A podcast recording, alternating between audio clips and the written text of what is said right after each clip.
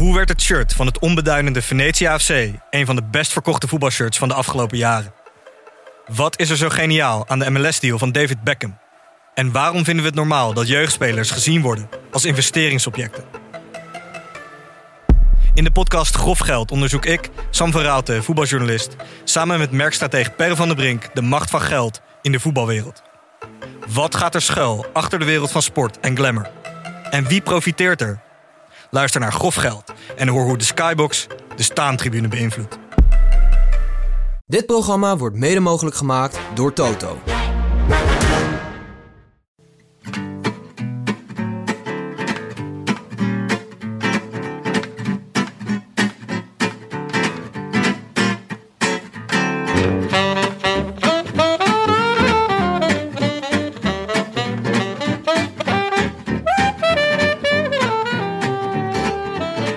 Maggio 2018 e cominciano le settimane più belle dell'anno, quelle del Giro d'Italia. Live, direttamente dal nostro divano ad Amsterdam West, gustando vino e formaggi, state ascoltando The Road de Lanterne, il podcast sul ciclismo di Hattie Scores. Godetevelo!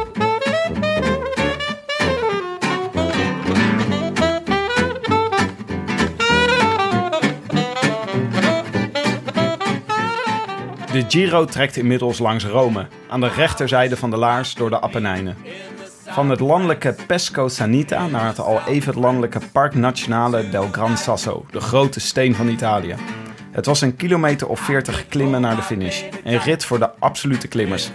In nette formatie reed het peloton onder leiding van Astana en Mitchelton Scott richting de finale.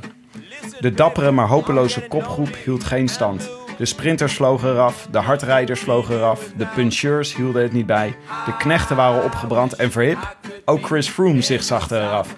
En dat was het zijn ontknoping. Vanaf ongeveer 4 kilometer van de finish gingen de klassementsrenners één voor één. Maar er was er maar eentje echte buitenklasse. De roze vuurpijl van de Giro 2018. Simon Philip Yates. Simon Yates is going to take a stage victory here. The smile on his face already. The smiling assassin has come home. He's had one shot. It's the first time he's been in front all day. And you know what? You only have to be in front once. And that is at the line. And that line belongs to Simon Yates. That was brilliant. I wish I could be in the south of France. In the south of France, sitting right next to you. Gaat het weer een beetje, meneer de Gier? Ja, dankjewel Willem. Ik ben, eh, ik ben weer helemaal hersteld. Je had een, eh, je had een buikgriepje, hè, waardoor je eh, de, niet de vorige aflevering, maar de aflevering daarvoor, de Ja. laatste nabeschouwing, niet op het laatste moment toch niet kon aanschuiven hier. Er was niet zo heel veel aan de hand, maar het is gewoon zo'n... ja, heb je iets verkeerd gegeten en dan moet je gewoon eigenlijk... Dan ben je 12 uur lig je eruit en dan moet je nog 12 uur herstellen. Dat haalde ik net niet met de rode lantaarn. Maar ik kreeg een eh, overweldigend aantal Ik zag het. beterichtjes... naar aanleiding van de, de dramatiek die jullie eh, ontketenen in de, in de aflevering. Ik zag reacties op je Twitter en op je Instagram. Dat volg ik natuurlijk allemaal. Ja. Maar ik was echt trots op onze luisteraars. ja, dat was echt heel erg leuk. Het was hartverwarmend. Maar eh, ik lag niet op, eh, op sterven, zoals het misschien Is er nog was. eentje die je speciaal is bijgebleven? Eh, nou, iemand noemde me oude reus. Dat vond ik ook wel weer, toen dacht ik. Ja, je kan veel over mij zeggen, maar oude reus. Misschien. Oh ja, nou ja, nou ja. hey, ehm, Dylan van Baarle, daar was je natuurlijk ook alweer bij. Was Ja. leuk, hè? ja, was ontzettend leuk. We waren dinsdag, eh, kijk, je eh, herstelt natuurlijk goed met het vooruitzicht dat je naar Veenendaal mag. En de beroemde goudvissen in de gracht van Veenendaal mag zien. En daar woonde Dylan van Baarle. En daar reisden wij vrijdag naar af. Mhm. En eh, dat was echt ontzettend leuk. Met de trein naar Veenendaal de Klomp. Ja, En Maar toen met de OV-fiets verder. Ja het was En toen langs de goudvissen. langs de goudvissen. Hij woont, eh, hij woont in zo'n eh, appartement aan een grachtje waar dus allemaal goudvissen in zwemmen. Dat is even voor de context. Ja. Maar we hebben daar een uur eh, of zo met hem gepraat. was echt eh, ontzettend leuk. Vond je niet? Ja, dat vond ik ook. Jonne, wat is jou bijgebleven van dat gesprek? Ja, dat het een ontzettend chille gast was. Ik vond hem heel ontspannen, heel relaxed. Hij vond het ook echt leuk om, om dit te doen. Om over zijn vak te kunnen praten. En Ja.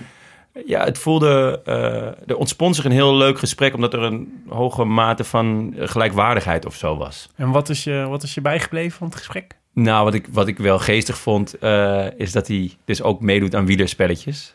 Eh, ja, Scorito? Scorrito speelt hij, Ja. nou, dat speel ik zelf ook. En dat hij dan een poeltje deed met zijn moeder. Ja, dat nam me wel voor hem in. Je Ja. werd wel een beetje op je plaats gezet, hè? Met eh Scorito scoren. Ja, maar dat is, ik, ik heb zoveel pech. Dat, dat is bijna niet te geloven. Eh, ik had Viviani niet kopman gemaakt. Ja, dat, dat, Dus er geen pech.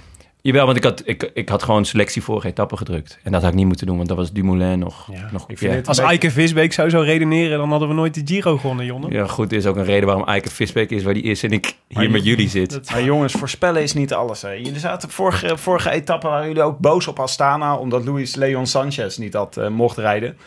Maar dat is gewoon... Ja, maar woede is een heel goede drijfveer, Tim. Dat is waar.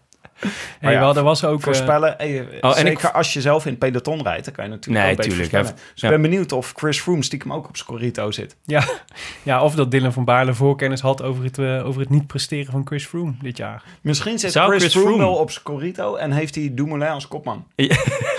Die daarom zo nep Dat is, zou echt onthullend zijn. kunnen. Kan je andermans poeltjes zien op eh Scorito? Ja, zeker. Oké. Ja.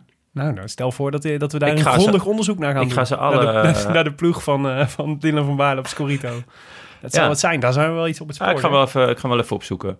En, en ik vond het leuk, de eh, appgroep, die was verwijderd. Ah ja. Eh, ja, de, eh, er was blijkbaar iets Dave uit de. Brailsford heeft deze appgroep verlaten. Ja, Dave eh, was niet helemaal amused over eh, het gedrag, gedrag van Luc Rowe in de appgroep. En toen heeft hij gezegd van, nou, nou dat kan echt niet hoor, jongens. En Ja. toen hebben ze die appgroep moeten verwijderen. Ja, dat vind ik wel schattig op een bepaalde manier. ja. Ik Ja, vind het ze gewoon... vonden het niet professioneel. Het is gewoon fascinerend dat... eh, Misschien is nu wel de situatie dat alle ploegen gewoon een WhatsApp-groep hebben... die he- heel actief zijn, waar de redders echt nader tot elkaar komen. Ja. Behalve Sky, omdat Luke Rowe vieze plaatjes in de WhatsApp zet. Ik ben nu wel fan van Luke Rowe geworden na dit gesprek. Ik ook. Nee, eh, en er was vrolijk nieuws vandaag, want ik, eh, net voordat ik eh, wegfietste hier naartoe, zag ik een plaatje op Twitter van Bauke Mollema, die een zoon had gekregen. En wat, wat maakte de vreugde nog groter? Tim Mollema heet hij. Tim Mollema! De machtighuizen Tim en machtighuis Mollema worden verenigd Dat is in een toch kind. fan- fantastisch. Stond hij daar een Stond beetje in de afge- sterren geschreven natuurlijk. afgetraind te zijn op de foto met zijn, eh, met zijn zoon in zijn handen. Ja, wij hopen Vond natuurlijk mooi. al een beetje dat dat het zeg maar zo'n wonderkind is. Omdat eh, dat je dan Sven Kramer en Naomi van As, als die samen een kind krijgen, misschien wordt dat een Dylan groot van ta- Baarle en Floortje Makai. Ja, grote talenten. En dan dat je dan een Tim Mollema krijgt. Dat is natuurlijk... Overigens heb ik hier niks mee te maken. Dat we dat even... eh, even Nee, je bent niet samen met Mollema, niet, eh, eh, de wereld inbrengen. Dat, dat, jij, dat hij naar jou vernoemd is, wil je zeggen. dat gerucht. Nee, dat zou ik niet de wereld in willen brengen. Maar misschien een geweldige Maar je weet het podcaster. niet. Je Ja. weet het niet. Ja, een geweldige snel- podcast die goed is bergop. Ik zou hem, eh, ik zou hem, snel, con- ik zou hem snel contracteren, want eh, ja, je weet nooit. In ieder geval heel belezen. Dat sowieso. hey, eh, Tim, hebben we nog rectificaties? Gefeliciteerd Bouke, wilde ik nog even Oh zeggen. ja, Moet je gefeliciteerd. Van harte. Gefeliciteerd. Hou dit vast. Hou dat gevoel vast als je straks de, de op gaat. En dan eh à la Bebeto de finish, eh, de finish over zal schrijden, denkend aan Tim. Oh, nee, Bebeto. Ja, rectificaties. Nou, eh, wij- het is een groot mysterie wanneer precies onze 50ste aflevering is. Want jij trok, eh, jij, hij zette een taart op tafel en trok een fles champagne open tijdens de vorige aflevering. Ja. Dus En toen kwam ik er vervolgens achter dat dat helemaal niet klopte.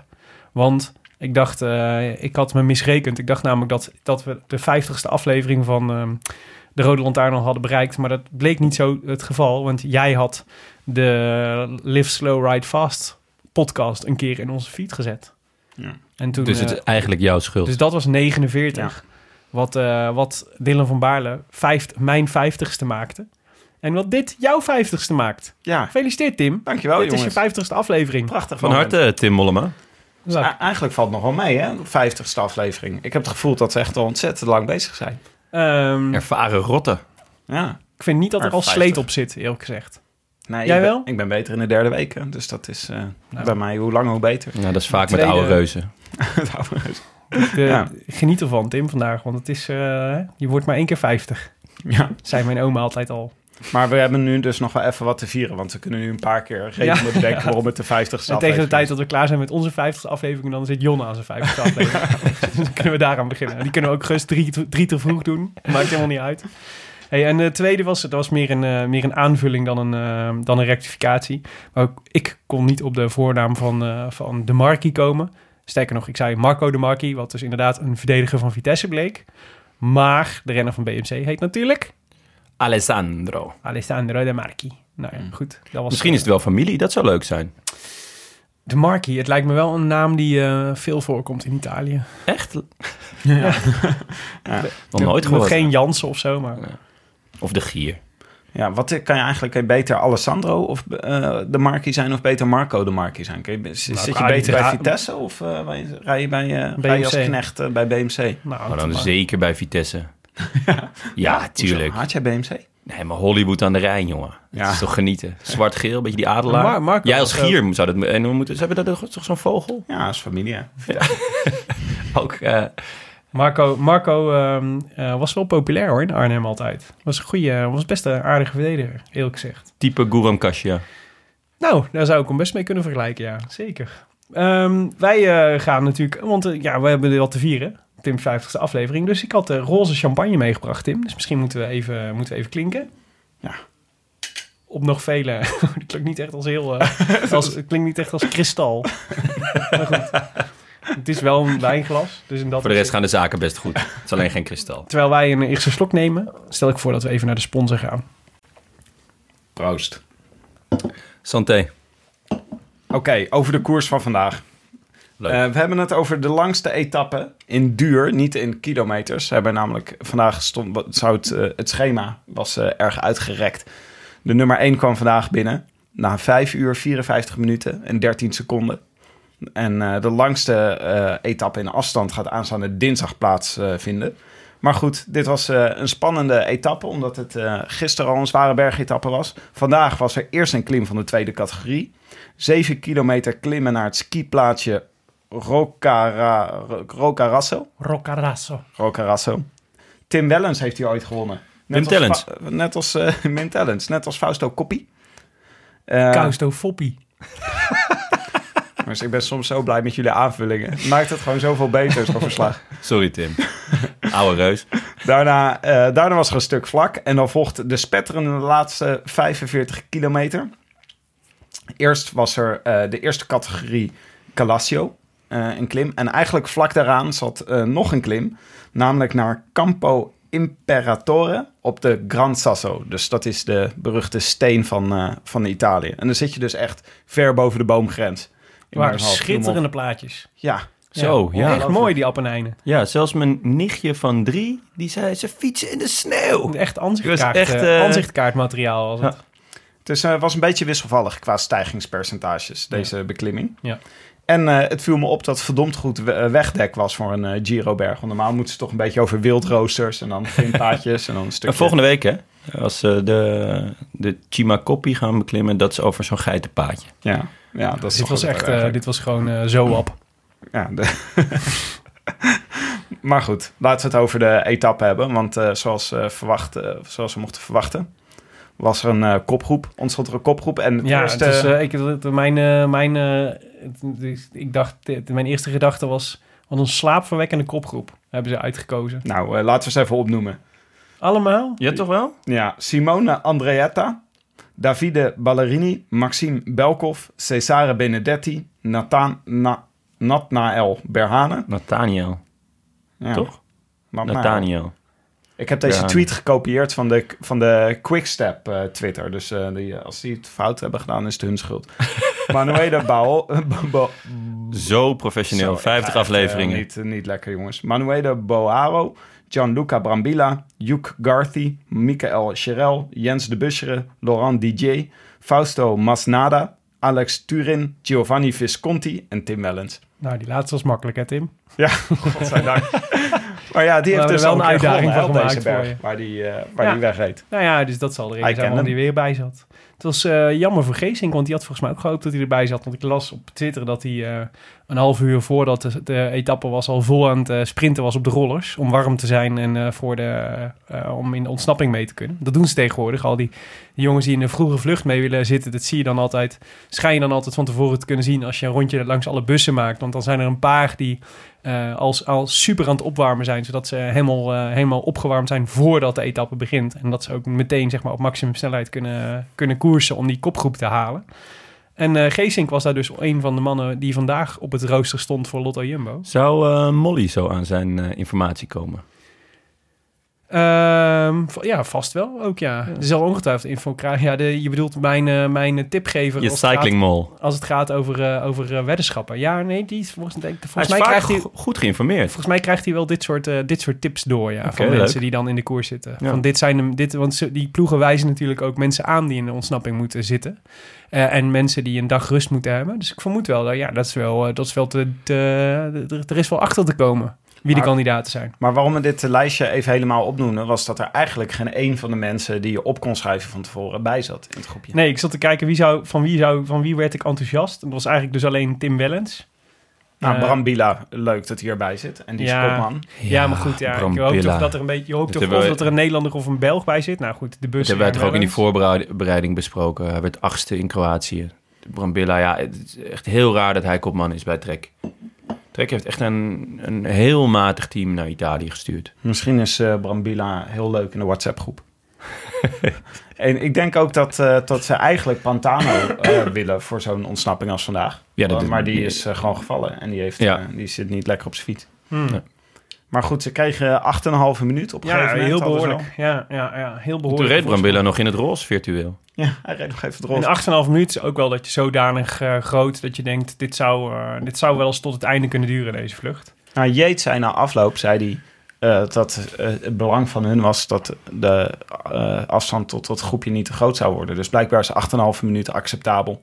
Want, had, je, want wilde die de, de, de eindzege, of de, de etappezege. Ja, toen ze, ze, ze een strategie was, als de tijd met het verschil met het kopgroepje niet al te groot wordt, dan maken we kans op de dagzegen. Dus dan gaan we daar ook voor. Dan wordt dat ook een doel. Oké. Want ik dacht even tijdens de etappe, ze laten me gewoon rijden. Want het is eh, die eh Yates vindt het wel lekker dat uh, Brambila het voor eh, het rols pakt, net voor de rustdag. Even alle, even, eh, alle plichtplegingen tijdens de rustdag eh, voor de helft minder. Als je niet het rols draagt. Ja. Eh, en, dan weer, eh, en dan door. En Brambila is toch geen gevaar voor het algemeen klassement uiteindelijk. Voor geen van die mannen.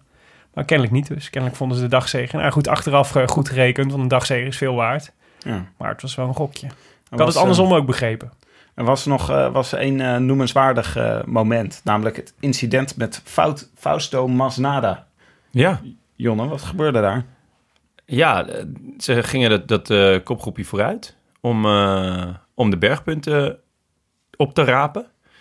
En toen liep zijn, ehm, zijn, zijn ketting eraf of er had een mechanisch probleem. En, maar blijkbaar was er dus al besloten dat hij die bergpunten zou pakken. En toen, ja, twee man die duwden hem eigenlijk de berg op en over. Ja. Eh, waardoor hij de bergpunten pakte, officieel. Maar ze hebben hem nou toch terug, teruggefloten. Dus in plaats van 15 punten krijgt hij één punt, geloof ik. Ja, Ja. nou meteen al floot ze hem terug. Ja? Want dat mag dus niet volgens het reglement. Oké. Ja. Maar ja, dit soort reglementen zijn altijd bij de grote rondes altijd zeer rijkbaar. Want er was toen, ik weet ook nog dat Froome de berg op rende. En Ja, toen ja. stond het Maar reglement daar hebben wij ook dat je schande van op je gesproken. fiets moest eh, blijven Nou zitten. ja, dat is dus een vergelijkbare, vergelijkbare situatie. Ja. Maar wel met iets meer... die had iets meer impact had gehad op de koers. Ik denk niet dat, eh, dat iemand morgen nog nadenkt over eh, Fausto Masnada. met alle respect. Ja. maar dus hebben hebben meteen... Dus volgens de reglementen mag het dus niet. Je mag dus alleen... eh, je moet dus zelfstandig de top bereiken. Ja. maar officieel mag je dus ook geen enkel duwtje krijgen. Dus op d'Huez en zo, al die Nederlanders zijn ook gewoon... die nemen grote risico's met onze jongens. Dit was een financieel deeltje natuurlijk. Ze hadden gewoon afgesproken, jij mag die punten hebben. Dan krijg Ja. jij de premie. En, Ja. Ja. dus dit, was, dit moest Ja, even een gekke situatie in ieder geval. Ja, En, en toen eh, gingen Astana op kop rijden. ja want Toen die heb ik, heel lang, ik heb echt heel lang gekeken naar Astana die voorop reden in het peloton. Ja. En eh, iedereen moest meedraaien. Jouw, eh, jouw vriend eh, Luis Leon Sanchez was ook fanatiek aan het meedraaien. ja, die moet de hele tijd werken. Alleen, Kang, Hij had beter in de Kangert kopgroep kunnen werd, zitten, zeg ik maar weer. alleen Kangert werd gespaard. Ja. Die en was, Lopez, Miguel ja, Angel. Ja, Ja, maar dat- hij gespaard werd, eh, heeft hem niet heel veel opgeleverd. Ik weet, eh, ik Hij weet is niet op wat het 17 idee was. minuten binnengekomen vandaag, Kangert. Ja, oh, Kangert. Ja, Ja, maar ik denk dat ze Kangert hadden gespaard voor de laatste klim. En dat ze Lopez eh, voor de dagzege hadden ja dat zou nog wel kunnen. Hm. Maar het is gek, want Kangert stond er gewoon nog wel prima voor. eh, Ja. in, het, in het algemeen klassement. Ja. Ja, Ik denk dat veel, eh, als je naar de rituitslag kijkt, zijn veel mensen gewoon best wel eh, gesneuveld op de laatste berg. Die dan echt helemaal geparkeerd stonden. ja. En daar was Kangert er blijkbaar eentje van. Maar wat zou de strategie van Astana zijn geweest? Dagzegen? Of, Nee, ja, eh, je vraagstelling is eigenlijk al verkeerd, hè? Want jij gaat, jouw vraagstelling insinueert dat Astana een strategie had. ja, weer, Terwijl, strategie was weer, we gaan gewoon op kop we rijden zien omdat wel. het kan. Ja, nou, ja, de, de, ja, ik vond het wederom vreemd dat ze niet gewoon iemand meesturen in de vlucht. Want dan, zit je zoveel, dan kun je, koers je zoveel makkelijker. Dan is toch ook, weet je de kans dat je dan iemand nog tegenkomt op de laatste berg die nog voor je kan werken is veel groter. Dus dat, dat daar had, nou ja, goed. Maar Sunweb ge- zat ook niet in de vlucht. En, eh, Nee, nee. en eh, Scott, Mitchelton Scott ook niet. Nee, klopt. Ja. Maar ja, die gebruiken een hele ploeg dan om, hun, om de echte klasse mensen, mannen te, be- te helpen. Terwijl ik denk dat je toch inmiddels moet constateren dat Miguel Angel Lopez niet, in ieder geval niet tot de top drie favorieten hoort voor de eindzege in deze Giro. Dus zou ik op een iets andere manier gaan koersen. En van, van Sunweb en van eh Mitchelton Scott kan ik me voorstellen dat je conservatiever gaat rijden. Omdat je denkt, we hebben gewoon de, de, zeg maar de twee voornaamste kanshebbers rijden in die ploegen. Maar Astana dan zou ik zeggen, als je, als je wat wil, moet je aanvallender durven rijden. Nu hebben Ja, ze feitelijk gewoon het, het, het werk van uh, Ja, Mitchelton Scott gedaan. Dat vooral, dat vind ik het opvallend. Want ze zien dus wel in Lopez een rijder voor de top 5. Maar zie ik op zich ook wel. Hij staat wel op achterstand, maar het zou nog kunnen. Eh, als hij een keer goed aanvalt of een, een, een topdag heeft, dan kan hij gewoon wel stijgen. Maar op deze manier ja, soupeer je hele Ja. ploeg. En ja, Mitchelton Scott is echt de lachende derde. Die hebben natuurlijk een, een rammend sterke ploeg. Maar die hebben gewoon heel lang niks hoeven doen. Nee, maar het is, Astana is echt... Weet je, je hebt die wielerwijsheid van... je moet eerst het bordje van een ander leeg eten... en dan aan je eigen beginnen. Astana is echt... hier, hier, alsjeblieft, eet mijn bordje leeg. dat is echt wat Astana's tactiek is. Om een antwoord op je vraag. Ja, maar ze hebben niet... Ze hebben De niet alle- Kazachse keuken smaakte goed in ieder geval eh, bij Mitchelton. Ah, ze hebben wel meer mensen dan eh Luis Leon Sanchez die voor de dagzege kunnen gaan. Ja, ze hebben een hele goede ploeg. Dat maakt het zo vreemd. Dat maakt het zo jammer dat ze, zo'n, eh, dat ze, dat ze zo eh, serviel eh, zich laten slachten. Maar ze hielden wel huis, want eh, het was... eh, Ja. oh, ik, vind altijd, ik vind het toch altijd wel leuk. Dan begint echt het hoge berg als dan één voor één iedereen eraf waait. ja, de achterdeur stond open, ja. Dat was leuk Zo. om te zien. Ja, dat is mooi. Maar wat ik het allermooist vond, en dat vond, dat vond ik wel echt tof. Want soms, weet je, weet je nog die, ehm, die Tour de France, ja, die is nu natuurlijk besmet van de Tour van Rasmussen. Ja. Dat ik zo, ik, werd altijd, ik ging dan altijd glimmen van trots als dan eh Bogert en eh, Thomas Dekker op kop gingen rijden. En zo even gingen heersen aan, aan de leiding van de, van, gingen sleuren aan kop. En dat je dan iedereen eraf zag rijden, ja, dat als gevallen. prachtig. Ja, dat was de, de Thomas Dekker van deze Giro heet Jack Hake. Die, eh, die, eh, die, ging even, die Zo. ging even lekker tekeer, zeg. Die was aan het huishouden, ja. Dat, dat, was, was echt, dat was mooi. mooi. Nou, hij reed eerst Aru eraf Ja, en daarna reed hij Froome eraf. ja. Ja, Dat nou was ja. echt gewoon Best met knap. het werk van Heek. Als Ja. je dat voorspeld had, dan eh, had iedereen je uitgelachen voor de Giro. Dat Jack Hake, Froome en Aru eraf zou rijden. Ja, ongelooflijk. Ja, Aru was eigenlijk, eh, die was eigenlijk, reed eigenlijk tot dusver een tamelijk anonieme Giro. Dus hij kon dat, nou ja, ze altijd zeg maar eh, redelijk schade beperkt weten te houden. Maar we zagen eigenlijk al wel, dit is nog niet een Aru in topvorm. En, ehm, en voor Froome gold eigenlijk hetzelfde. Ook iemand die ook redelijk de schade beperkt wist te houden, ondanks een val in de proloog. En, eh, en, eh, maar je ziet dan toch bij zo'n etappe, of na zo'n weekend, weet je, twee grote zware etappes achter elkaar. Ja, dan zijn de, dan zijn eh, de benen wel, eh, die beginnen wel, te, wel pijn te doen bij dat soort gasten. Dus dat is, dit is, er is, werd ook wel voorspeld gis- vanochtend en gisteravond in de alle voorbeschouwingen, dat dit wel de etappe zou zijn waarop je zou zien dat, eh, dat er een aantal, aantal favorieten de Giro zouden gaan verliezen. Ja. Bijltjesdag. Nou ja, Aru en, en Froome. Kijk, we zitten aan het einde van de eerste week. Maar god, dit is, hebben wel een, eh, dit is, eh, dit is, zo hadden ze er niet voor willen staan na week 1. Heel even voor de administratie. Alle Astana's waren hier inmiddels ook weg. Ja, ja precies. Heek is natuurlijk van. Mitchelton Scott. Ja. En, ja, eh, precies, ja. ja, maar het was... eh, maar Froome, verbaasde het jullie? Nou, ehm, en, ja, nou ja, ja, want ja, het verbaast me, want het is Chris Froome. En Chris Froome, daar denk je altijd van, die is, eh, dat is de, de man to beat. Ehm, eh, maar ja, er waren natuurlijk genoeg aanwijzingen voor deze Giro dat hij niet zo top was als, als, we, als hij ooit geweest is. En Ja, maar dat wa- waren de, voor de Tour van vorig jaar, dacht ik ook, poeh. Ja. Hij, reed, hij reed een slecht voorseizoen, de, de Tirreno en de Dauphiné was hij allemaal niet scherp. Eh, of gewoon niet goed eigenlijk. En nu, nou, Tour of the Alps was hij oké. maar waren er een aantal jongens die echt wel beter waren. En nu ehm, dacht ik van, nou ja, kan er, eigenlijk- kan er eigenlijk wel doorheen komen. Ehm, Mhm. Laat het maar even zien.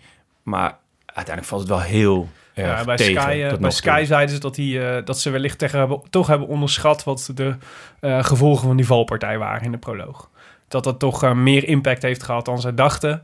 En, en dat, hij daardoor, dat hij daardoor in ieder geval vertraging oploopt, zeg maar, met het weer, met het weer in vorm komen. Oké, maar dan is hij dus goed in de vierde week. Ja, ja Want precies. De derde week was het Ja. plan. Ja, je kunt niet zo lang... Met al die trainingen Zo, en, zo, zo lang kun je niet wachten. Maar ik vind het toch een terug beeld. Ik weet niet. Ik word er toch Maar- verdrietig van als ik Froome eraf zie gaan. Het is een beetje Ja, een soort van... ja, hij buigt zijn hoofd zo mooi, hè? Hij kan wel... Het is Hij wel, kan leiden. Hij kan wel Ja. dramatisch. eh, en, eh, en, maar ja, met het koffiemolentje, het ziet er ook niet uit. Nee. Hij heeft echt dan een, wordt het- een houthakkerstijl. Ja, maar dan wordt het echt... eh, ik, zeg maar, als hij, als hij top is en hij rijdt iedereen eraf... dan is het soort... Dan denk je, hij heeft een soort van nieuwe innovatie in het wielrennen. En dan zie je het met, met zijn gekke stijltje... en met zijn armpjes breed en dat soort dingen allemaal. Maar als hij aan het leiden is... dan ziet het er echt inderdaad echt, echt amateuristisch uit. Maar Aru is natuurlijk eigenlijk nog... Is, ik bedoel, de, de grote Italiaan... eh, het grote Italiaans talent dat er doorheen zakt in de Giro... dat is natuurlijk ook not, not a pretty sight. Nou, Ja. Je zou van Froome wel een beetje kunnen zeggen dat hij al een tijdje lang niet zo lekker rijdt. Maar dat kan je van Aru toch niet zeggen. Die heeft, eh, Aru was vorig jaar in de Tour de eerste twee weken goed. Ja, Maar daarna stortte hij ook in. Ja. Ehm, ja, ik, ik vind hem eerlijk gezegd een beetje overschat. Ik, ik weet dat, eh, dat, dat hij veel fans heeft, omdat hij wel aanvallend durft te koersen. Ehm, maar ik, hij heeft de Vuelta gewonnen, dat moeten we hem ook nageven. Ehm, Maar, maar wel overschat.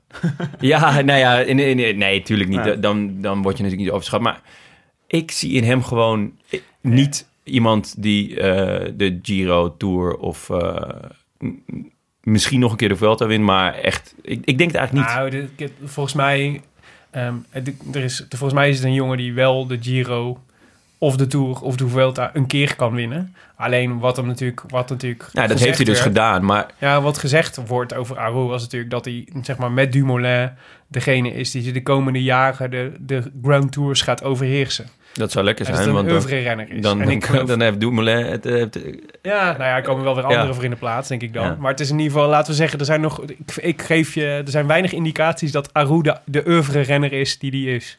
ja. Of die, die eh, wordt, waarvan gezegd wordt dat hij die is. Terwijl het toch wel een van mijn favorieten is door zijn zeer spectaculaire manier van demereren. Gelijk naar de andere kant, een super fiets sleuren. Ja. Altijd denkbeeldig met, eh, met allemaal eh, trompetten op de achtergrond. En dan zijn mond echt zo ver open dat hij het asfalt raakt. Ja, ik het vind is, het een mooie renner. ja, en dan vervolgens eh 30 meter later wordt hij, wordt hij voorbij gefietst. Ja, nee, Beetje ja, zoals ik- Lopez eh demereert, eh, deze Giro. jongens, laten we ja, even, er terug zit naar, weinig de, echt eh, even terug naar de berg gaan. Ja, ja. Eh, want eh, we zitten nog vier kilometer voor, eh, voor, de, voor de... Jack Hake rijdt op kop. Aru en Froome waaien eraf. Dat is natuurlijk... eh, je ziet Dumoulin op dat moment ook kijken. Met name naar Froome. Van wat gebeurt daar? En zie ik het goed? Dat is eigenlijk normaal gesproken zou je zeggen... Als je, als je de macht hebt en je, dan, eh, dan eh, ga je. Hè, want dan kun, je, dan kun je echt schade toebrengen aan, eh, aan Froome. Dus, maar die had hij toch niet echt, Dumoulin. En er was eigenlijk een soort van, nou ja, wat zal ik zeggen, een soort wapenstilstand. Leek het, zeg maar. De grote mannen die bleven gewoon op tempo doorrijden. Je wist ook dat er nog wel wat zware kilometers zouden komen. Dus dat ze wel prima slim zou zijn om even te wachten. We zagen wat demarages. Chicone ging. Madonna ging, Ja, Pinot ging, ja. Lopez ging, Potso. Potso ging nog eventjes. Dr. Potso, altijd Ja, leuk. is, eh, Potso ging, eh, ging volgens mij... Potso de, had de, de timing het beste eigenlijk. Maar die had net niet de, de punch om het, eh, om het af te maken. Nee, degene die de punch wel had, die hield zijn benen stil. Want ik Nou, begrijp die- echt niet dat Yates en Chavez... die hadden echt mensen op veel grotere achterstand kunnen rijden vandaag... Ja. als ze eerder waren gegaan. Ja, nou ja, Yates... eh, Ik denk dat Yates dacht, eh, ik ga voor de, voor de dagzegen. Ja. En, eh, en eh, je zag hem wel, ik vond dat wel ijzersterk al, want die mannen reden allemaal op de limiet. En je zag ze allemaal lijden in het wiel van, eh van Pozzo Vivo, behalve Yates. Die, Ja, die zat eigenlijk nog vrij Ik makkelijk. wou net zeggen, dat je zag het aankomen. Hij zag als een soort roofdier aankomen, zat, hij, zeker, ja. zat hij te azen op het moment dat hij, eh, dat hij los mocht. En, eh, en ja, dat is, dat is dan toch de kracht van Yates, dat hij dan op zo'n moment nog echt de punch heeft om zo'n wedstrijd te winnen. Ook zelfverzekerd, hè, met zoveel. Dus hij hoefde niet, die gaatjes Ja. die vielen, ging hij niet paniekerig dichtrijden. Nee, nou ja, eh, hij, rijdt, hij, rijdt, hij rijdt momenteel... Yates rijdt momenteel met de zelfverzekerdheid van eh, Tom Dumoulin in, eh, van, eh, van, eh, in de tweede week eh, Giro vorig jaar. Een soort van dat je denkt van, ja, het is gewoon, eh, alles zit mee, alles lukt. Eh, het, is jouw, eh, het is jouw moment, zeg maar. Je bent de beste in koers en dat, dat voelt iedereen. Hij, hij is voor mij ook wel echt topfavoriet hoor, momenteel. Ik snap dat, dat Dumoulin veel kan goedmaken in een tijdrit. Maar ehm Yates heeft gewoon over. Wacht, laten we even, voordat we vooruit kijken naar de rest... Heel even de, de goed. etappe afmaken. Want we zagen Ja, op prima. dit moment zagen we Dumoulin een beetje lossen. Je kreeg een kopgroepje met eh Yates, Potso, Chavez, Carapaz en Pinot. Eh, aan het Noem einde... nou Carapaz? Carapaz. Carapaz. Carapaz. ja, Carapaz. Richie. Carapaz vind ik ook wel prima. Richie Carapaz. Ze noemen hem eh, Richie in zijn groep, dus in zijn ploeg. Dus, In de appgroep. eh, Richie. ja, dus laten we hem maar Richie noemen. En eh Yates rijdt weg Ja. aan het einde. En eh, door de bonificatie pakt hij 22 seconden Op Dumoulin. op Dumoulin. Ja, 10 seconden van de bonificatie en 12 seconden in de, in de etappe. Viel me eigenlijk nog mee hoor. Nou, Uiteindelijk. ja, keurig Ehm, beperkt gehouden. Van ja. Dumoulin. En Dumoulin zegt ook na afloop, nou, de benen zijn niet super, zijn ook niet slecht. Mhm. Dat zegt hij tot nu toe elke keer. Eh, het is wel een beetje de vraag dan wanneer de benen wel goed gaan zijn. Eh, ja, het is te hopen dat, het, eh, dat die tweede week Ja. gaat gebeuren. Maar ehm, ja, voorlopig, oh, ja, voorlopig vind ik Yates echt wel heel indrukwekkend. Ja, maar ik, vind, ik had wel het gevoel dat Yates en Chavez zoveel beter waren. Dan kun je beter op zo'n hele lange klim als vandaag. 45 kilometer voor de finish begonnen ze met klimmen, hè, naar, de, naar de slotklim. Hadden ze hem eigenlijk op, eh, hadden ze meer op hem moeten pakken. Want eh, dat is gewoon zoveel gelegenheid krijg je daar niet meer voor. Op Dumoulin. Ja, op Dumoulin. Want er, zijn, er komen nog een heleboel finishes bergop. En er zijn nog een heleboel bergritten. Maar een bergrit die zo lang is, waar je Dumoulin echt pijn kan doen, omdat hij gewoon dan, omdat hij, eh, omdat hij eh, in, de, in de klim zoals deze verandert het stijgingspercentage de hele tijd. Dus daar kan, is, leent zich heel goed voor wegspringen en eh demareren. Maar ja, ze reden met z'n allen naar boven. Tot vier kilometer voor de finish zaten ze met z'n allen bij elkaar. Ja, het was dus, eh, nou ja, goed. eh, dus eh, even de, de uitslag of de belangrijkste dingen. Dus Yates wint dus. Pinot en Chavez zaten dus super dicht. zaten dus, kwamen dus in dezelfde tijd over de streep. Dus, dus- Pino ook goed, hè? ja, dus, ja, Mitchelton Scott rijdt dus gewoon weer, een, weer 1, 1 en 3. Dan eh Pozzovivo en Carapaz op eh 4 seconden, 10 seconden voor Formelo. En dan Bennett, Dumoulin, Lopez en ja, eh, op, eh, op eh, 12. En dat was eigenlijk de top. En als je dan naar zeg maar, de andere eh, favorieten vooraf kijkt. Woods wordt 12e op 36 seconden. Ging er ook al eigenlijk te vroeg af. Maar ja, de, de shock zit toch wel bij ehm eh, Aru en Froome. Dus Froome wordt hier eh 23ste. Dat is, echt, eh, dat is echt bedroevend. Wat ik echt het sneuste beeld vond, was dat... eh, dus hij zat dus... Hij kon... eh zoals dus een groepje waarin Poels was teruggekomen. En... ehm, hoe heet die? Die andere, die andere knecht van, eh, van Team Sky. Eh, nou? Ja, Henao, ja. En die moest hij dus gewoon laten, die moest hij dus gewoon laten lopen. Ja. En, eh, en eh, ja, dat was, wel, dat was wel een beetje treurig hoor. En Aru wordt eh, zelfs 24ste op 1.14. Dus uiteindelijk, nou goed, het is meer dan een minuut. Maar zeg maar voor het moment dat ze eraf gingen, vind ik dat ze de schade ook nog redelijk beperkt hebben weten te houden. Want het had echt nog, nog veel meer kunnen zijn. Maar ja, het, was wel, het is wel weer een minuut. Op een, eigenlijk op een etappe waar je zou verwachten, of waar, nou ja, waar in ieder geval Aru een minuut had moeten winnen om, eh, om eh, kans te maken op de eindzege. Dus die kunnen we sowieso wel wegstrepen, denk ik. Ja, qua Beltjesdag. Ja, Froome en Aru. En misschien zijn er nog wel een paar andere die eh, in aanmerking komen voor Beltjesdag. Ik bedoel, ehm ehm Betancourt zat er ook niet goed bij vandaag. Die, is- dat wordt gewoon een, eh, wordt voor etappes gaan voor hem. Ja, maar dat was toch al de, dat is toch nooit echt iemand voor het klassement geweest. Ik denk dat hij wel op top 5 hoopte eigenlijk. Echt? Ja, misschien zelf. En Ja, misschien Brambila. Hij wat denken nog- jullie van Brambila? Die ja, ging gewoon Brambila podium, werd achtste in Kroatië. Die, heb, die had ik van tevoren, al weken van tevoren afgeschreven. En, en eh, hoe heet die? Betancourt ook. Dat is, hij was een paar jaar geleden heel goed. Groot talent. Daarna is er nooit meer uitge- uitgekomen... omdat hij volgens mij elke avond naar de Kentucky Fried Chicken gaat. en eh, hij is gewoon eh, vaak te dik en daardoor te slap. Hij maakte nu een goede indruk... Maar top 5. Hij heeft toch nog nooit top 10 gereden in een grote ronde? Of ben ik nog gek? Ehm, volgens mij één keer. Eén keer ook in de Giro, toch?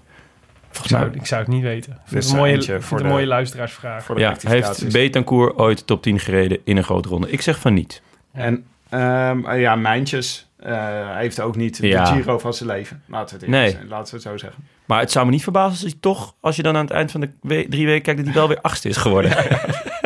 Verrassend genoeg. Er gaan natuurlijk ook nog heel veel uitvallen en zo tussen, tussen uitvallen. Dus dan is, dan dat zou vet zijn dat iedereen die tussen de achtste plek en de eindplek van Louis Mijntjes staat, dat hij valt.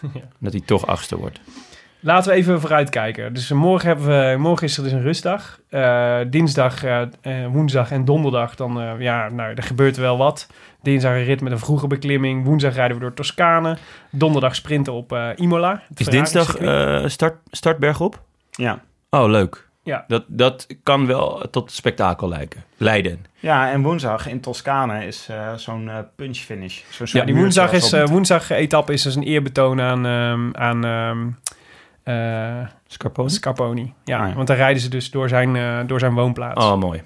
Ze starten overigens in Assisi Ik, eh, laten we hopen dat dan... ehm, van de vogeltjes. Ja, en laten we hopen dat die papegaai van Scarponi dan eh, zich, Zich even laat zien. even laat zien. Dat zou wel heel mooi zijn. Ja. Oh, dat is een mooi... eh, Maar ik vond het mooi... Sentimenteel. eh, eh, hij had toch altijd... Hij hij had, nee, hij had alleen één keer een filmpje, toch? Met een papegaai op zijn schouder. Nee, hij- er was een papegaai uit de buurt. Die was van een, van een oude man daar in de buurt. En die reed vaak mee op zijn helm of op zijn schouder op trainingsritjes. Oh ja. Dus dan kwam hij aan en dan riep hij hem en dan kwam hij. En dan eh race in een stuk. eh, en dan... eh, ja, en het mooiste detail was natuurlijk dat de papegaai eh Astana kleuren had. ja, dat is trouwens waar, ja. maar, ehm, maar dus de, de, de parcoursbouwers van de Giro hebben al veel kritiek gehad... omdat ze in Israël gestart zijn... En, eh, en het Sicilië ook niet alles was. En dat er door de tunnels gingen racen. En dat soort de, de donkere tunnels De gingen donkere racen. tunnels, ja, is toch ook leuk. Ja, maar, de, maar ik moet zeggen, het contrast tussen de donderdag, namelijk het sprinten op Imola, het Ferrari-circuit, en vrijdag de... eh, de eh, oh nee, daar zit nog één dag tussen. Ik wou zeggen, het contrast tussen sprinten op het Ferrari-circuit en dan vervolgens de Monte Zoncolan, zeg maar, is wel een, vind ik wel mooi gekozen hoor. Soort, eh, soort het ene uiterste naar het andere uiterste. Ik denk echt dat Zonkolan, dus we hebben ze ook gepland natuurlijk, maar echt het moment suprem gaat worden. Want dat is echt het moment waarop je tijd op Dumoulin kan gaan pakken. Ja, Ja, Als je maar... het, eh, als je ehm, het goed doet. Maar dan moet je dus wel een keer vroeg gaan aanvallen. En dan moet ze niet wachten tot de laatste kilometer. Ja, maar ik vrees ook wel weer een beetje voor woensdag. Een klein, met zo'n punch. Ja. Als, als, als Yates daar ook weer 10, 15 seconden pakt... omdat Dumoulin niet die punch heeft momenteel... ja, dan wordt het toch echt eh, zorgelijk als Dumoulin-fan. Als Yates-fan eh, sta ik dan op de banken.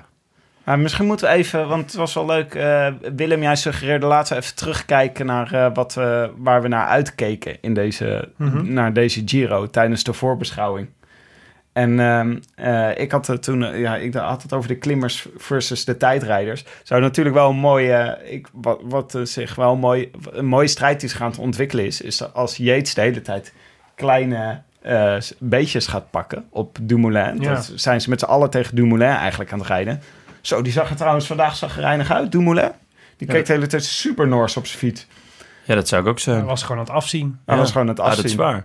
Maar, en, eh, maar ehm, je kan natuurlijk de rekensom maken. Je kan denken van, nou, eh 20 seconden pakte Dumoulin op, eh, op Yates tijdens de openingstijdrit van, eh, van 10 kilometer. Dan is straks de, de volgende tijdrit is 3,5 keer zo lang. Dus kan je 3,5 keer 20 seconden doen. En dan kan je een beetje uitrekenen wat de marge is. Die, eh, die, Yates eh, zelf ging uit van de, de twee minuten. ja, want ik denk ook dat hoe langer de tijdrit is, hoe sneller dat verschil oploopt. Eh, uiteindelijk. Dus dat, eh, misschien is het uiteindelijk langer dan, dan twee minuten. Ja, nou ja, uiteindelijk vond ik de, de tijdrit van Yates ver boven verwachting. Ja. Voor het eerst dat hij top 10 reed in een tijdrit. In de grote ronde althans. En hij maakt tijdens de koers ook zo'n goede indruk... dat ik verwacht eigenlijk dat hij... Dat, dat die rekensom juist een beetje zijn kant op gaat vallen. Nee, daar geloof ik echt helemaal niks van. Nee, ik denk, eh, nee, want deze, ik volgens mij de, de, voor, leuk voor Simon Yates, maar dat was natuurlijk 9,7 kilometer. Met ook nog eens een heuvel aan het einde, zeg maar, die hem goed lag. Die eh, ronde rond het Gardameer is gewoon is zo'n beetje plat. En, eh, en is echt, dat, is echt, dat is echt voor de grote motoren. Dus daar ga je, eh, daar moet hij het, eh, weet je wat, daar ga je Jos van Emden en Tony Martin en zo. Dat soort, dat soort jongens, die gaan daar het goed doen. En Dumoulin dus. En ik denk niet, ik denk eerlijk gezegd dat het, dat, ik denk dat hij met twee minuten aardig in de richting zit. Wat hij moet, wat hij moet goed maken. Het zou me verbazen als hij het beter, als hij het beter doet dan dat. En, ehm, en, en met de vergelijking lijkt me meer eerder, wat is het, Pinot vorig jaar in de Tour? Die, eh, die, eh, die laatste, eh, die, die ook zo'n... Nee, Bardet. Bardet, Bardet, ja. ja. Die, die zakte er ook een beetje doorheen. En dat is, ik, ik denk eerlijk gezegd, als je, het, hij heeft wel heel veel gezet om een, om een betere klimmer te worden, Yates. En dat is volgens mij heel erg goed gelukt. Maar ik ben benieuwd hoeveel hij op tijdrijden heeft getraind. Het verbaasde mij ook dat hij het goed deed in de, in de, in de proloog. Maar dat was ook in vergelijking met een heleboel anderen die het, eh, die het heel slecht deden.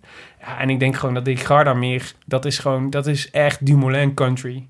Dus dan, ja, ik zou, ik, alleen al voor je eigen zelfvertrouwen zou ik zeggen, je hebt gewoon eh, echt dik, dik boven de twee minuten nodig om daar met een gerust gevoel te staan. Maar ja, dit- Dumoulin maar- staat nu al 38 seconden achter, hè?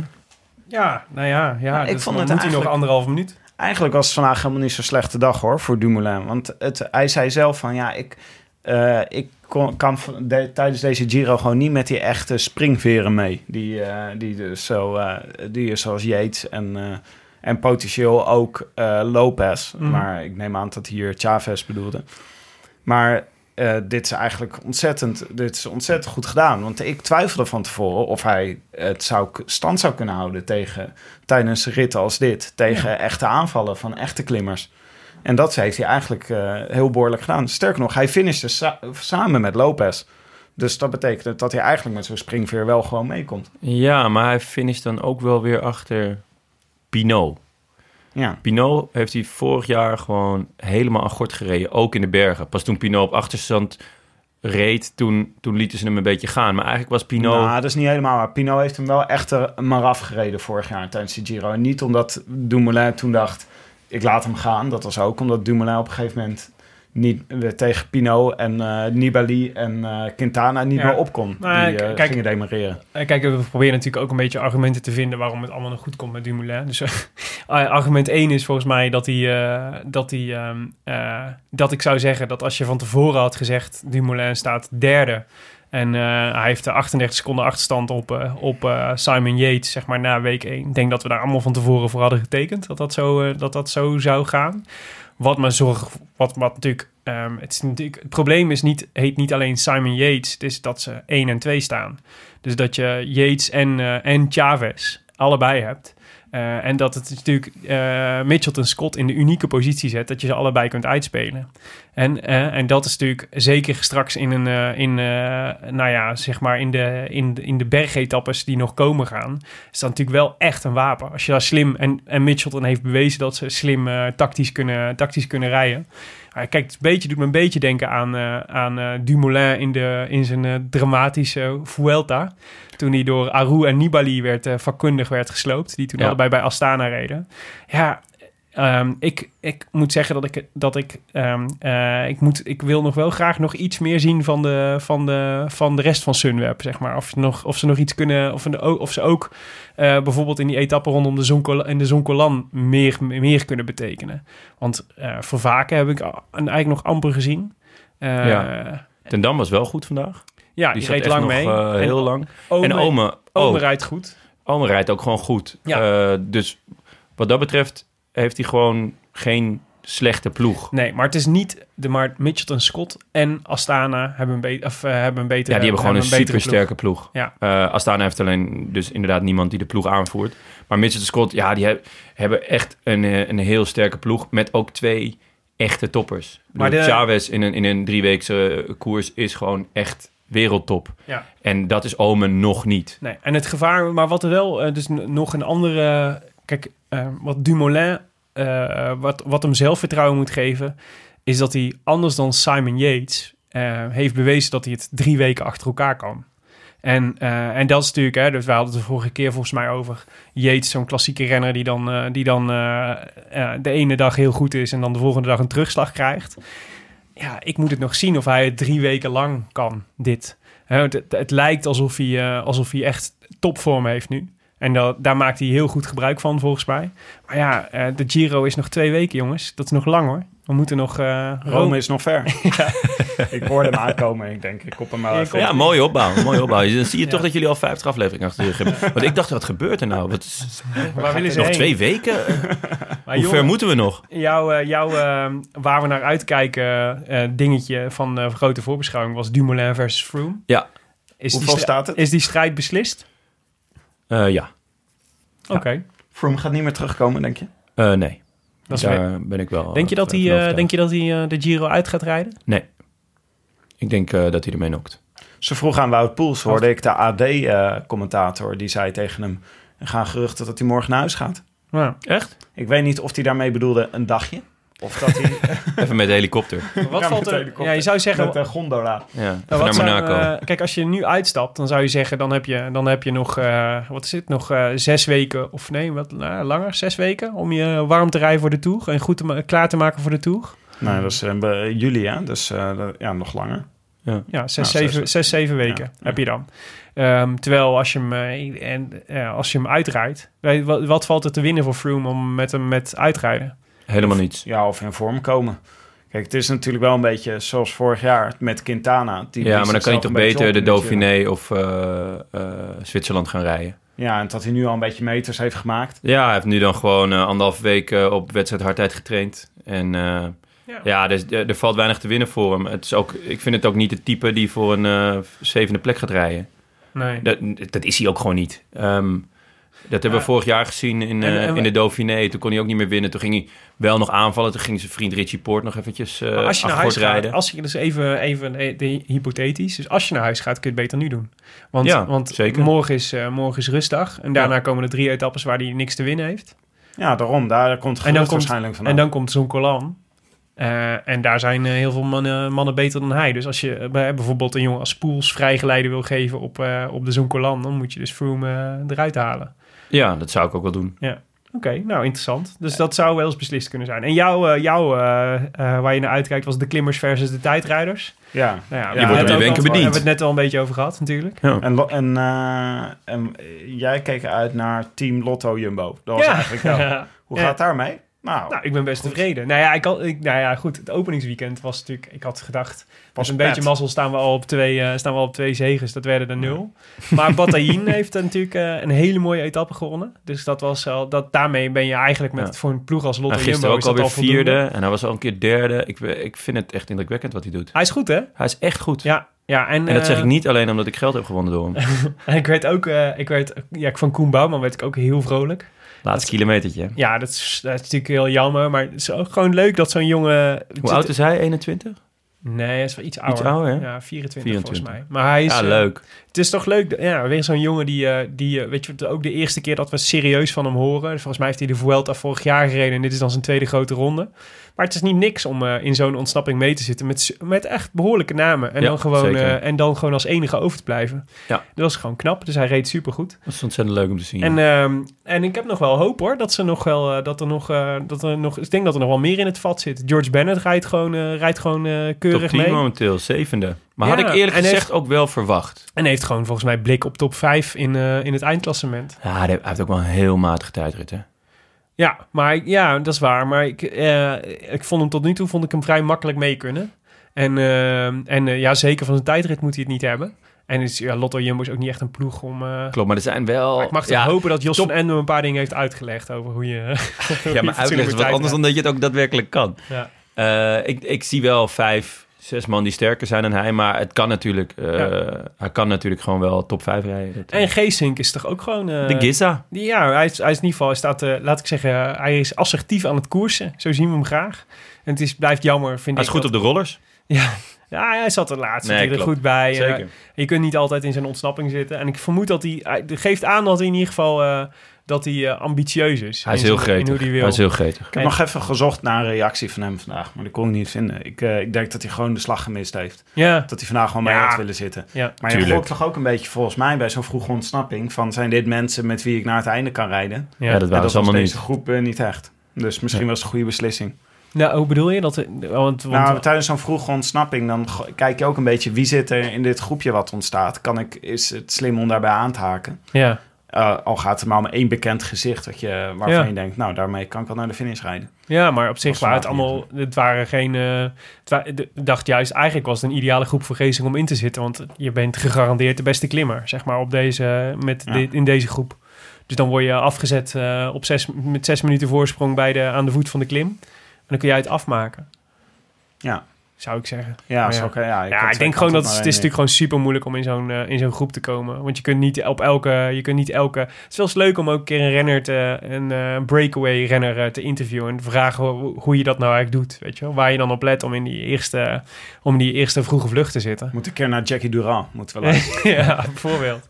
Ja, lijkt me hartstikke goed. hey, de voorspelbokaal moeten we maar eens naartoe, toch? ja, van vandaag. Moet dat? Ja, Willem, eh, Jonne, wie had jij? Laten we daarmee beginnen. Genier. Genier, Genies. Nou, ik vond het een creatieve keuze. Dankjewel. Doe ze, doe ze point voor creativiteit. Ja. Nul voor resultaat, Ja. ik. Eh, ik denk ook dat het komt omdat hij nog een beetje op een eh, klassement aast. Niet om mezelf Ja. helemaal vrij te pleiten, maar hij staat top 20. Ja. En eh, ja, hij eh, gaat eh, gewoon... eh, Werd vandaag ook 19. ja, hij probeert eh, langzaamaan richting die top 10 te stiefelen. Hij zat met Sam Ome hè, vandaag. Is dat, eh, ja, de, de Heimar Zubeldia Award? Wordt dat dan toch altijd Oh, ja. genoemd? Stiekem richting Dat je de top 10 stiekem de top 10 eh, in... eh, Die is nog nooit in beeld geweest. Dat was het uh, geheim van Subeldia. Niemand Maar- weet of hij echt mee heeft gereden. maar dook steeds op in uitslagen. Maar ehm, jouw eh Jarlinson Pantano deed het zo mogelijk nog slechter. Ja, ja. maar ja, hij is, eh, hij is ook eh, hij is gevallen. Eh, maar ik, had, ik, eh, ik stuurde neer, jij vroeg aan mij eh, wie gok je voor vandaag. Toen zei ik Pantano. En toen dacht ik er één minuut over na. En toen zei ik, nee, Pino, Pino, Pino. ja, want toen was, laat. ja, was de rode lamp al aan en zaten we al in de Ja, opname. precies. je En bent mijn, eh, echt ijzer... Of je bent heel streng, hè? Als het om anderen streng gaat. Ja, ja. Het is gewoon belangrijk dat je grenzen stelt, heb ik geleerd. Maar je had hem wel goed, toch, vandaag, Willem? Eh, ik had Potse Vivo, dus ik zat er in ieder geval van ons weer dichtstbij. met de vierde plek. Maar ja, Ja. bijna is niks, hè, uiteindelijk. Nee, maar ehm, er waren wel mensen die het goed hadden. In ieder geval drie. Eh Ilko C, waarvan ik niet denk dat C zijn achternaam is, maar eh, gewoon een Facebooknaam. Maar hij zal vast Ilko heten. Marion Brobbel had het goed. En Martijn ten Kaat. En die laatste, die eh, wint de voorspelbokaal vandaag. Gekozen door ons notaris. Martijn, Martijn ten Kaat, ja. Nou, Gefeliciteerd. harte, Martijn. Dus je wint een, je wint een, een boek van, van Atlas Contact. En ik denk dat het de kleine Heine wordt. Ik heb een heel nieuw Gefeliciteerd, pakket eh, oude gekregen. reus. Een heel pakket gekregen van... nog eh, steeds niet opengemaakt, het pakket. Nee, maar ik weet wel ongeveer wat erin zit. Het is een soort, het is Ma- een mag soort, ik er eh, dan ook een? Een kleine heine? Als er twee in zitten, mag jij de andere kleine Heine. Lekker. En anders mag je een ander boek uitzoeken. Oké, maar we goed. hebben dus weer een heel nieuw pakket gehad... met allemaal nieuwe boeken uit het wielerfonds van, eh, van Atlas Contact. Dus ik ga, ik ga een mooie uitzoeken voor Martijn den Kaat. Laten we het zo afspreken. Nou, de volgende voorspelbokaal gaat over de Zoncolan. Want Ja. wij zijn er zaterdag weer. We moesten ook wel even de mensen even rust geven, hoor. Nou. Maar we zaten op zo'n hoog publicatieschema. Ja. En lange afleveringen. Ja, ik was helemaal gestrest, joh. Nou, Ja, het is Zoncolan, dus het is 186 kilometer aanstaande zaterdag. Van ehm, San Vito al Tagliamento naar de Monte Zoncolan. Eh, met een Louis-stijl slotakkoord. Zijn dat jouw woorden? Louis-stijl? nee, eh, nee. Heb je weer Twitterbericht van Quickstep? Nee, dit is eh, van uh, ook- wieleretappe Ja. van toeretappe.nl. Ah, daar moet je, daar moet je niet eh, naartoe. is dat dus- is echt een wa- waardeloze website. Mag ik Nou dat ja, zeggen? ja, On, ze- on air? Ze hebben in ieder geval plaatjes. Ja, ze hebben alle plaatjes altijd. Maar eh, de Zoncolan dus 10 kilo- 10,1 kilometer met 11,9 gemiddeld stijgingspercentage. En de stijlste strook wordt 22% Ja, we kennen hem wel een beetje. hè. Het is gewoon een monumentale berg natuurlijk. Niemand, Prachtig. ik, ik, had een, eh, ik had de beschrijving gevonden van hoe je de Zoncolan op kan fietsen. Want het kan van verschillende kanten. Mhm. En daar stond als trivia bij dat eh Cipollini in 2003 zijn racefiets aan de voet van de Zoncolan in fiets, inruilde voor een mountainbike. Oh ja? Omdat het zo off-road was. Oh, wat vet zeg. Ja, ik kijk er weer zin uit. Ehm, maar wie gaan we spelen, jongens? Voor, eh, want eh, di- dit wordt dus de volgende voorspelbokaal. Vanaf morgen, eh, of ja, vanaf het moment dat deze podcast online staat... dan kun je ook alweer op onze Facebookpagina meedoen aan de voorspelbokaal. Ehm, Jonne, mag ik met jou beginnen? Wie gaat hem, wie gaat hem pakken? Eh, ja, daar wil ik wel ehm, iets bij zeggen. Dat mag. Namelijk als hij, als mijn, degene die ik ga voorspellen, niet eerste wordt, eh, of niet alleen eerste wordt, maar als hij achtste wordt, dat ik dan ook win. Oké. Mag dat? Is het Dan het Zuid-Afrikaan? is. het, het is een Zuid-Afrikaan. Eh, hij is heel dun en taai. En eh, hij staat op achterstand. Het is Louis Mijntjes. Mooi. Dus als hij eerste wordt, dan win ik. Maar ook als hij achtste wordt. Is dat een goede deal? Ja, dat is een goede deal. Daar gaan we mee akkoord. Maar denk je En- dat ze Mijntjes al laten, die laten ze wel gaan, denk je? Ja, hij staat Want hij wint hem niet als hij niet, eh, als hij niet in de ontsnapping Nee, zit, toch? klopt. Maar ze, ze, zeg maar ze, ze laten hem dan gaan, maar dan komen ze alsnog wel dichterbij. Ik denk niet dat iemand Mijntjes nog enige vorm, op, op enige manier serieus neemt. eh, kijk, of mensen als Woods en Bennett en ehm, even kijken, wie staat er nog meer in die contraien? Dennis of zo, moeten gaan voelen van... hé, hey, hier komt een top 10 plek in gevaar. Maar daar is het echt nog te vroeg voor. Oké. Dat is pas de derde week. Dus ik, ik denk dat ze hem wel laten rijden. Brambilla liet ze ook rijden hè, vandaag. Ehm, die, die was in de race voor een top 10 plek, bedoel je? nou, in zijn hoofd wel. En misschien eh, bij zijn moeder thuis ook wel. Maar ehm, Ik vond, ik vond een mooie tip van ehm, eh, Dylan van Baarle afgelopen eh, eh, vrijdag. Die zei van je moet gewoon kijken wie in de etappes na aanloop daarvan eh onverwacht eh, tijds achterstand gaan pakken. daarom Zo- had jij ja. Pantano vandaag opgeschreven. Ja, dat- En die verloor onverwacht nog meer tijd. Wie, eh, wie is jouw keus, Tim? ja, daarom heb ik eh Betancourt. Eh, want ik denk dat hij nog steeds heel erg goed kan klimmen. Bertje. En ik denk dat hij net op achterstand staat waarmee ze hem eh, laten gaan. Ja. En eh, het zou mooi zijn. eh, het- ik heb een beetje gezocht. Ik denk dat eh zo'n Colan is wel weer zo'n instituut van een berg... dat mensen gaan, eh, gaan voor de dagzegen gaan. En, Zeker. eh, Go- Ah, ik, Roberto ontstaan. Betancourt, leuke, leuke voorspelling. Tenzij er een KFC in de buurt zit. Dan, Ja. eh, dan kan je het shaken. Ja, of morgen al tijdens de rustdag gaat hij natuurlijk helemaal vol eten. Troost eten op zijn hotelkamer. Maar heeft dan niemand Gezink? Jawel, Tim. Ja, natuurlijk wel. Nee, ja, ik, eh, ga, ik ga voor Robert, hoor. Ik, eh, ik, eh, nee, natuurlijk moet ik een beetje in het Lotto Jumbo thema blijven. Maar ik voorspel dat Geesink nog wel één of twee keer in een, in een kansrijke positie gaat komen. En ik denk dat hij, zoals heel veel renners overigens, Zonkolan met een groot eh, rood omcirkeld heeft in zijn routeboek. En ik denk ook dat hij best kans maakt. Dus als hij eh, in de vroege vlucht zit en, eh, en eh, hij, ze krijgen wat voorsprong, dan is Geesink wel iemand die het af kan maken. Ook op zo'n berg als de Zonkolan. En het is, hij is rond deze tijd altijd goed, hè? Want het is Tour of California. dus we moeten, de enige waar we op moeten hopen is dat hij niet s'nachts gaat, tv gaat zitten kijken... om te volgen hoe, hoe anderen het op zijn favoriete bergen doen. ja, maar, maar dan maakt hij wel kans, denk ik. Ja, ik denk ook dat hij goede kans maakt. Ook omdat er meerdere bergen in zitten. Ja, Ehm, hij, hij moet het natuurlijk niet echt van zijn versnelling hebben. Alhoewel er wordt gezegd dat hij een versnelling is. Maar ehm, hij moet het niet van, van die tempowisseling hebben. En dan is het hoe langer en hoe meer bergen... is wel echt in zijn voordeel.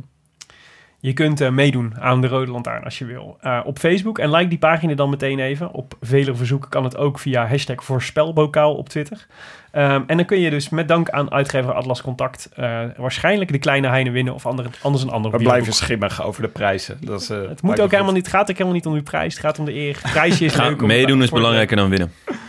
Oké, dit was het voor vandaag. U luisterde naar de Rode Lantaarn, gepresenteerd door uw fa- favoriete bankzitters. Willem Dudok, Tim de Gier en vandaag ook Jonne Seriese van Dag Gedacht Media. Lekker En- jongens. Die laatste doet ook de productie. Wij danken hetiskoers.nl, de leukste wielerblog van Nederland en Vlaanderen. Dank voor de morele steun op vele fronten. En Shimano Service Center voor de sponsoring. Met eh, dank vandaag ook aan Chiara Caccinelli voor de intro in het Italiaans. En wil je reageren op deze uitzending? Via Twitter zijn je te bereiken via Willem Dudok, Tim de Gier en eh, Jonne, Tony Eh, Garçon. Ed, laat me met rust. Nee, Ed uh, Ton Garçon. Waarbij de tweede O... Dus de, de, Nee, de eerste O. Oh, de eerste O, echt? Oh, de eerste O is een nul. Ja. En abonneer je vooral ook op iTunes en laat daar een reviewtje achter. Dat vinden wij heel erg eh, eh, leuk. Hebben en we er nog één? En dan kunnen andere mensen ook onze podcast vinden. Ja, we hebben er nog één. Eh, Willem, heb jij een paraat? Ja, van Tibbe Bakker. Eh, die schrijft leuke en informatieve podcast over de koers met, mis, met zoveel afleveringen in de laatste dagen over de Giro dat ik in een hopeloze chaspatat aan, eh, van, in het, van het terugluisteren ben terechtgekomen. Ik loop dus een paar etappes achter, maar het blijft leuk om de nabeschouwingen terug te luisteren. Ga zo door, groet Tibbe. Nou, Ti- Tibbe, groetjes terug. Sowieso. Nou, Tibbe, dat is de hoofdrolspeler uit Minoes. Ja, klopt, dat is Theo Maassen, toch? Oh ja, Die speelt, speelt eh, Tibbe. ah ja, film schitterende rol. Nee, wij zijn er dus zaterdag pas weer na afloop van de Chima Koppie. Die monstrueuze... Oh nee, dat is niet de Chima Koppie. Maar na, eh, na de Montezoncolan.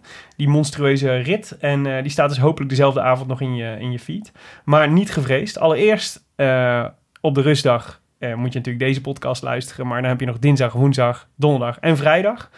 Om de podcast met Dylan van Baarle terug te luisteren. We hadden het er al even over, maar het was dus super gezellig bij hem in Veenendaal.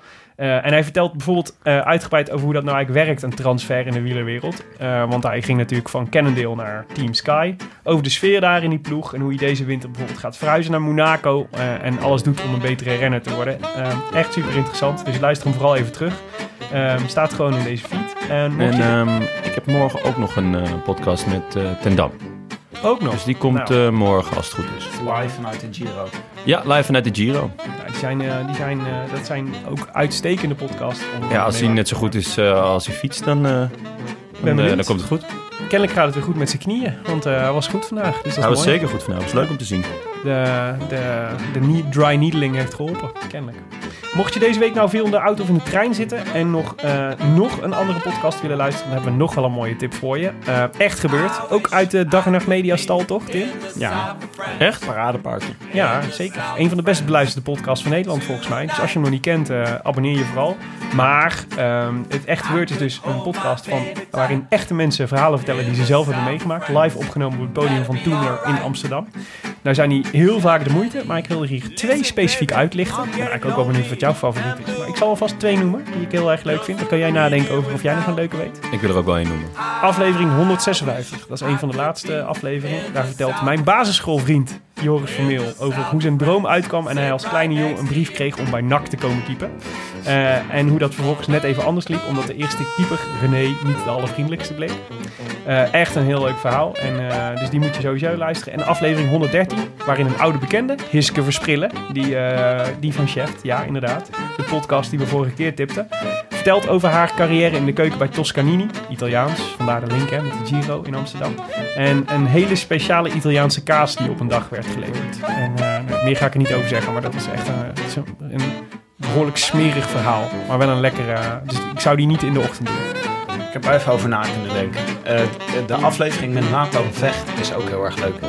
Die heeft, is namelijk een tijdje postbode geweest. En eh, toen hij ophield met postbode zijn, heeft hij zijn postbodepak gehouden. En ontdekt dat je met een postbodepak overal binnenkomt en met respect eh, wordt behandeld. Oké, Nathan Vecht. goede tip. Nathan Vecht. Oké, Jon, heb jij er ook een? Ehm, ik vond het verhaal van Kees van Amstel... dat hij eh, op zijn veertigste of zo voor het eerst drugs gaat gebruiken op Koninginnedag. En dan eh, met zijn vrienden eh, op de eerste hulp belandt. Want een van zijn vrienden denkt dat hij doodgaat. en dat hij daar de schuld van krijgt van de vrouwen eh, van die vrienden. Eh, die vond ik enorm genieten. En ik vind eigenlijk alle puberdagboeken die Ja, worden die voorgelezen... daar luister ik met bijzonder veel plezier. Ja, echt een leuke, echt een leuke podcast. Echt gebeurd dus. En eh, die staat uiteraard op iTunes, op willekeurig welke andere podcast-app. En daar ben je straks toch om een recensie te schrijven voor de Rood Lantaarn. Dus dan kun je meteen eh, abonneren op Echt Gebeurd. Wat leuk dat je podcast tipt, Willem. Ja, dat is toch leuk? Dat is voor de extra service voor de mensen. Ja, Mensen. Doen we gewoon. Het volk. Jongens, mooi wie- eh, nee, ja, het was een mooi weekend. Eh, wij zijn er eh, zaterdag weer. Eh, dus eh, tot dan. Ciao. Arrivederci. I wish I could be in the south of France. In the south of France, sitting right next to you.